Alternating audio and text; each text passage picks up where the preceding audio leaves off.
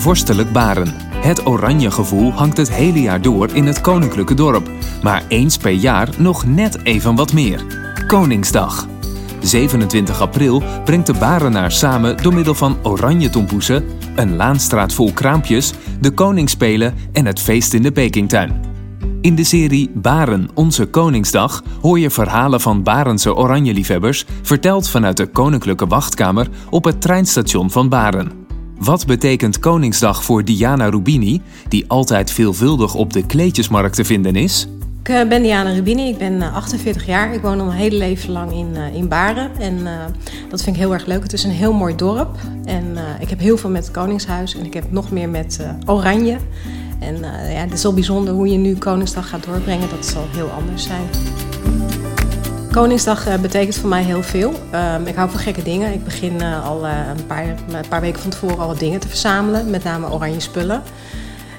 Um, ik vind het ook altijd leuk om haar oranje te verven die dag. Dat is dan geoorloofd. Mensen kijken ook niet raar naar je om. En daarnaast mag ik ook heel graag hardlopen. Ik ben trainer van de atletiekvereniging. En dan start ik de dag om s morgens te gaan hardlopen. En helaas kan dat nu niet met een hele groep, maar voorheen deden we dat wel. En dan het liefst allemaal in oranje gekleed. En dan gaan we ook al stiekem de rommelmarkt over, want dat begint al heel vroeg. En dan snel douchen. En dan start mijn dag zeg maar om de rommelmarkt te gaan afsnuffelen. En hoe ziet verder een normale Koningsdag er voor jou uit? Een normale Koningsdag ziet er voor mij uit. S morgens vroeg opstaan, uh, omkleden, een stukje hardlopen in uh, oranje kleding. Mijn haar verven en dan uh, ga ik de rommelmarkt af. met name heel veel praten met mensen die je tegenkomt. Want er is geen doorkomen aan in het dorp van Baren. Het is altijd heel druk. Dus daar doe je altijd een paar uur over. En uiteindelijk belanden we bij COSA. En daar is een super groot gezellig feest. Er wordt muziek gedraaid met een hele goede DJ. Ja, en dan gaan we helemaal los. En dat is ja, super genieten.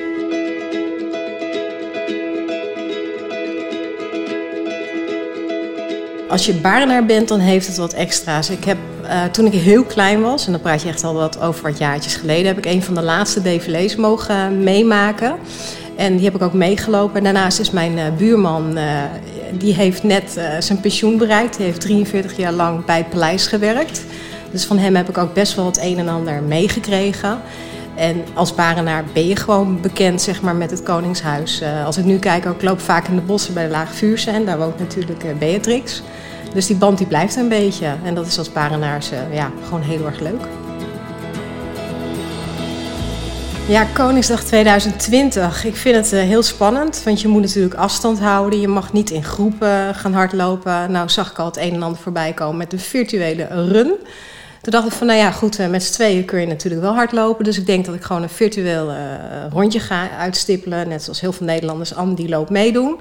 En ik zal dat ook in het oranje, ja, oranje outfit gaan doen. En daar start ik mijn dag mee. En voor de rest uh, heb ik begrepen dat er een, een, een soort drive-in is voor tompoesen op de brink. Dus ik denk dat ik met mijn auto even langs de brinkscheur en daar even tompoesen haal voor mezelf en mijn ouders. En dan uh, ga ik daar koffie drinken met een tompoes. En wat de rest voor dag verder brengt, ja, dat is heel spannend. Geen idee.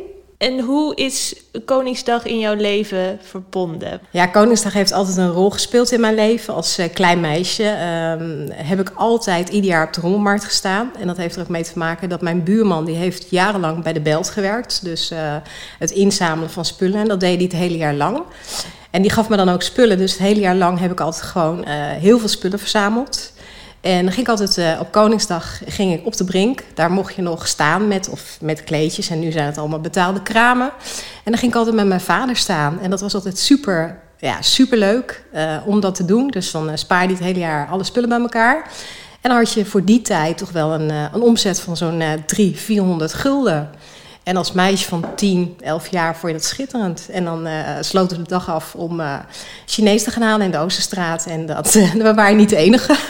dus dat was, ja, was wel heel erg leuk. En ja, mijn vader is afgelopen jaar best wel heel ziek geweest. Die heeft kanker gehad. En die heeft ook een heel zwaar traject gehad van bestraling.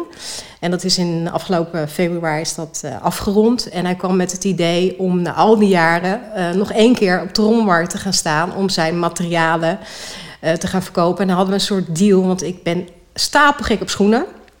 Ik verzamel ontzettend veel schoenen. Ik heb er een kleine 350 paar. En hadden stiekem de afspraak gemaakt dat ik zijn materialen en uh, gereedschap zou verkopen en hij mijn schoenen. Want dat doet natuurlijk wel zeer, hè, die schoenen. Dus ik zag dat helemaal zitten. Dus ik had ook uh, Wouter benaderd voor een uh, mooie kraam. En wij zouden gaan staan. En helaas, ja, vanwege de corona mag dat niet doorgaan. Dus dat, ja, misschien dat wij het volgend jaar mogen doen.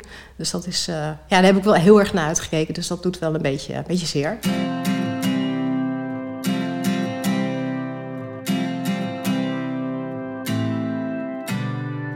Nou, uh, wat je zou kunnen doen als je thuis bent. Ik heb een paar weken geleden heb ik gewoon een uh, tafel in mijn voortuin gezet om uh, spullen zeg maar neer te zetten die ik kwijt zou willen. En mensen hebben dat meegenomen. Vervolgens sprak ik ook een, een, een, moeder met twee kinderen die zegt: ja, we kunnen ook niet meer de koningsspelen doen en dat is jammer. Maar ik zeg: je kan wel kijken naar wat je wel kan. Je kan ook met afstand houden. Kun je bijvoorbeeld ook ballen gooien. Dus ik heb er op een idee gebracht om in de straat achter mij gewoon een soort parcours met lint te gaan uh, maken. Waardoor ze dus bijvoorbeeld kunnen ballen gooien of nou ja, wat is het van die blikken.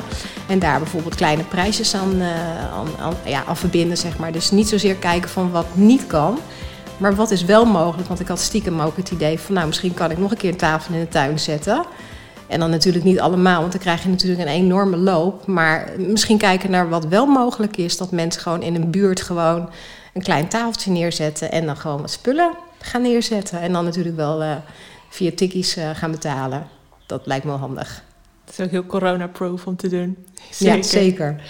Ben je ook wel eens de markt zelf opgegaan om dingen te scoren? Of ben je vooral een verkoper? Ik ben zeker de markt opgegaan. Ik heb natuurlijk heel lang als kind zijn heb ik spullen verkocht. En daar ben ik op een gegeven moment mee gestopt. En uh, ik ga altijd wel even heel vroeg de rommelmarkt op. Want je kan het beste gewoon heel vroeg. Daar scoor je gewoon de mooiste dingen. En uh, ja, ik ben, wat ik al zei, ik ben heel gek op schoenen. En uh, ja, dat is toch wel regelmatig gebeurd. En gelukt ook om schoenen te scoren voor heel weinig. Maar je moet wel vroeg zijn. Ja, je moet ja. je wel die hard voor gaan. Ja, absoluut. Zeker. Ja. Als jij Koningsdag in Baarn zou kunnen samenvatten? Als je nog nooit in Baarn bent geweest op Koningsdag, hoe zou je het dan samenvatten, zo'n dag? Met name een dag waarbij alle bewoners, die dan ook niet meer in Baren wonen, op zo'n dag juist terugkomen. Kijk, ik heb mijn hele leven lang in Baren gewoond. Ik woon er nog steeds. Er zijn een hoop ja, klasgenoten die dus uit Baren vertrokken zijn. Die wonen in Almere, Amersfoort. Maar die komen juist met zo'n dag terug.